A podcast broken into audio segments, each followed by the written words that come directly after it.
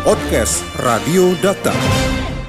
Rekan Data Indonesia mengalami penurunan indeks uh, persepsi korupsi atau IPK pada tahun 2020 yang dikeluarkan oleh Transparansi Internasional Indonesia atau TII di mana Indonesia berada di posisi ke-102 dengan nilai 37 dan untuk membahas hal tersebut kita akan berbincang bersama dengan manajer riset TII Wawan Suyatmiko. Dokter Radio, bijak dan cerdas.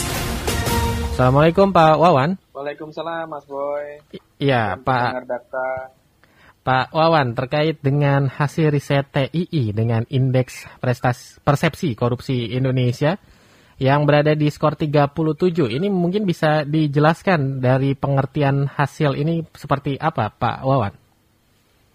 Ya, uh, jadi ini merupakan uh, salah satu uh, hasil kajian dari Transparansi Internasional yang konsisten dari tahun 2000, sorry dari tahun 1995 sampai uh -huh. dengan 2020, artinya sudah praktiknya 25 tahun. Kita menilai bagaimana situasi pemberantasan korupsi di masing-masing uh, negara. Indonesia ini secara konsisten uh, mulai disurvei dari tahun pertama 95 dengan 2020 gitu. Eh, kalau kita berkaca pada satu tahun terakhir, uh, skor CPI 2020 kita berada di uh, poin uh, 37 gitu ya. Uh-huh. Kalau mau dibandingkan dengan tahun sebelumnya, yeah. artinya kita mengalami penurunan 3 poin karena tahun sebelumnya adalah 40 gitu. Nah, penurunan 3 poin ini memberikan satu pertanda begitu ya, warning atau alert atau peringatan bahwa selama ini uh, terjadi begitu ya hal-hal yang di luar kendali uh, apa bisa dibilang kendali atau di luar rel pemberantasan korupsi itu sendiri. Dan kita juga bisa melihat bahwa turunnya tiga poin ini kan salah satunya dipengaruhi oleh misalnya revisi undang-undang KPK. Yeah. Kalau untuk indikator yang membuat posisi Indonesia menurun ini apa saja Pak Wan? Ya, uh, ada sembilan indikator yang menjadi penyumbang CPI tahun 2000 20 ini. Gitu. Uh-huh. Dari 9 indikator itu 5 di antaranya itu mengalami penurunan. Bahkan yang paling drastis penurunannya ada sampai 12 poin itu bicara dalam sektor ekonomi, investasi dan uh, per, per, kemudahan berusaha. Gitu ya.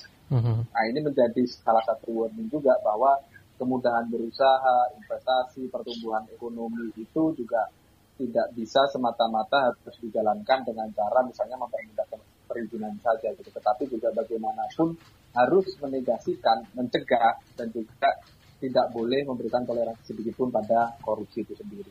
Hmm. Nah ini hubungannya apa atau apa kaitannya antara kemudahan investasi ini dengan indeks korupsi ini Pak? Ya, jadi uh, secara metodologi uh, responden yang diwawancarai dalam CPI atau Corruption Perception Index ini adalah para uh, pelaku usaha, para mhm. -huh. bisnis dan juga para pakar ekonomi dan investasi. Nah sehingga uh, pertanyaan yang uh, uh, kami uh, lempar begitu ya ke, ke responden ya terkait dengan bagaimana ketika uh, situasi berusaha di masing-masing uh, negara yang tempat para pebisnis ini uh, berusaha dalam relasinya dengan korupsi.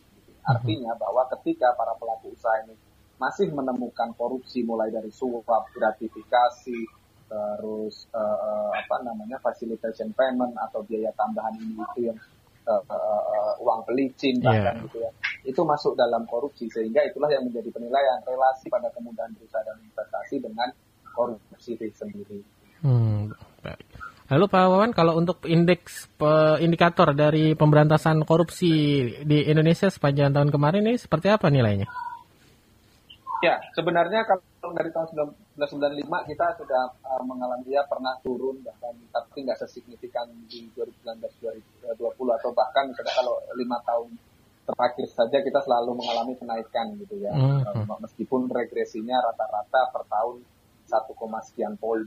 Tetapi ketika saat ini kita turun tiga poin tentunya ini menjadi menjadi apa semacam shocking terapi bagi kita begitu ya artinya uh, turun satu saja itu sudah merupakan beban berat atau bahkan stagnan itu uh, agaknya beberapa kinerja dalam hal pemberantasan korupsi oleh pemerintah oleh KPK oleh DPR oleh semua pihak bahkan oleh Mahkamah Agung itu pun sudah menjadi satu catatan gitu. Apalagi hmm. sampai turun tiga poin berarti kita sudah melihat bagaimana relasi korupsi yang terjadi itu benar-benar uh, hari ini kita memetik hasilnya. Iya. Kalau ada yang menurun pasti juga ada yang membaik, Pak. Apa yang membaik dari indikator riset kemarin? Iya, satu-satunya indikator yang naik adalah uh, indikator soal uh, penegakan hukum. Artinya relasi antara penegak hukum dengan korupsi. Nah ini naik dua poin. Tapi meskipun naik dua poin gitu ya, tetapi lagi-lagi bahwa uh, indeks penegakan hukum, indeks tentang supremasi hukum ini uh-huh. selalu saja menjadi indeks yang paling bawah kalau kita lihat dalam uh, peta uh, indeks persepsi korupsi. Jadi meskipun kenaikannya dua poin sangat tidak signifikan, ini juga tidak akan mampu mempengaruhi agregat dari turunnya uh, Corruption Perception Index atau IPK dari 2019 ke 2020. Uh-huh. Beberapa waktu lalu kami juga sempat mempertanyakan terkait dengan pola penanganan kasus korupsi kepada pihak KPK secara langsung. Mereka saat ini lebih fokus kepada pencegahan dibandingkan pemberantasan. Bagaimana menurut Pak Wan? Apakah hal itu juga sebanding dengan hasil riset dari TII? Ya, uh, saya kira uh, harusnya uh, eh, KPK tidak bisa memilih sektor mana yang harus ditangani gitu ya. Artinya hmm. begini, pencegahan, penindakan, bahkan pendidikan anti korupsi itu adalah amanat begitu dari uh, undang-undang KPK untuk melaksanakan tiga hal tersebut. Koordinasi dan supervisi dalam hal trigger mekanisme ke lembaga penegak hukum baik itu juga barengan. Artinya tidak bisa juga uh, hanya mau berfokus pada pencegahan. Uh-huh. Itu yang pertama. Uh, mereka harus bekerja secara uh, integratif, bekerja secara paralel, tiga-tiganya harus bekerja gitu ya. Uh, pendidikan, pencegahan dan penindakan itu harus satu satu jalur gitu ya. Terus yang kedua, bahkan kalaupun KPK hanya mau berfokus ke pencegahan sekalipun, kalau kami melihat panjang tahun 2020 ketika kami uh, melaunching hasil kajian atau uh, istilahnya rapor gitu ya untuk KPK di bidang pencegahan juga uh, masih terbatas pada hal-hal yang sifatnya teknokratis gitu ya. Hmm. Artinya teknokratis apa? Mengukur angka-angkanya saja, mengukur kepatuhan dari eh, lembaga-lembaga uh, negara yang lain termasuk pemerintah daerah mengumpulkan bukti dalam bentuk dokumen. Jadi juga belum uh, terasa uh, hasil dari pencegahan itu secara langsung begitu ya. Hmm. Ini juga kita seperti ketahui bahwa di masa kepemimpinan yang baru, katakanlah kepemimpinan Feli Bahuri, juga nampak tidak ada kasus-kasus besar, praktis hanya korupsi bansos dan juga korupsi benur lobster saja yang terekspos cukup besar. Bagaimana menurut Anda? Mm-hmm. Ya, uh, saya pikir gini, uh, itu sudah masuk dalam uh, mekanisme kerja KPK. Saya pikir KPK mempunyai secara internal ya dalam hal penindakan, uh, mereka mempunyai semacam uh, perencanaan strategis seperti apa gitu ya. Sehingga itulah yang dilakukan. Masyarakat sipil sendiri kami misalnya salah satunya transparansi internasional Indonesia pernah meminta misalnya bagaimana penindakan bagaimana peta penindakan KPK peta pencegahan. Tapi selalu saja uh, jawabannya adalah uh, bahwa peta penindakan adalah masuk dalam kerangka bagian dari pendidikan dan uh, penuntutan dan sebagainya sehingga itu adalah bagian dari informasi yang dikecualikan. Hmm. Padahal kami ingin melihat bagaimana rencana KPK misalnya dalam hal tadi yang uh, Mas Boy tanyakan menuntaskan kasus-kasus besar karena setidaknya kami mencatat masih terdapat 17 kasus besar yang masih mangkrak gitu okay. ya. Ya sebut saja Senturi, BLB, mm. terus Hambalang gitu ya yang menyita perhatian publik sangat besar itu masih banyak bahkan itulah yang seharusnya juga harus dituntaskan gitu. Buron-buron masih banyak gitu ya. Setidaknya baru Nur Hadi yang ditangkap, masih ada yeah. Harun Masiku, masih ada Samsul dan Ici Nur Salim begitu ya. Nah, sehingga itulah yang yang yang penting juga harus di masyarakat harus tahu bagaimana sepak terjangnya seperti itu. Iya. Pak Wawan, ini turnya IPK juga disebut-sebut sebagai dampak dari adanya revisi Undang-Undang KPK beberapa waktu lalu. Apakah uh, sesu, uh, Anda setuju dengan pernyataan seperti ini?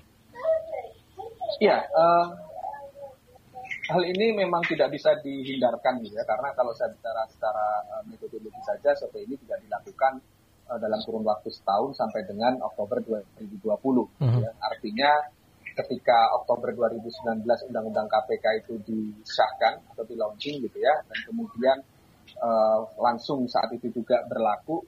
Terus Desember uh, komisioner baru, gitu yeah. ya.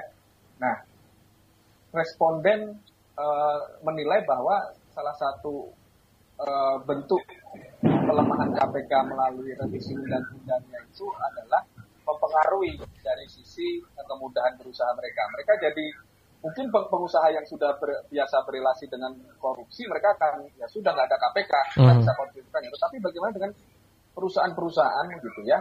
Uh, misalnya boleh dilihat bahwa nggak semua perusahaan, nggak semua pengusaha ini kan uh, apa namanya uh, korup gitu ya. Yeah. Ada beberapa perusahaan yang bagus juga. Misalnya kita contoh multinasional company gitu ya, atau BUMN. Ya. BUMN itu kan nggak boleh korupsi istilahnya ya, karena karena dia melakukan public service obligation.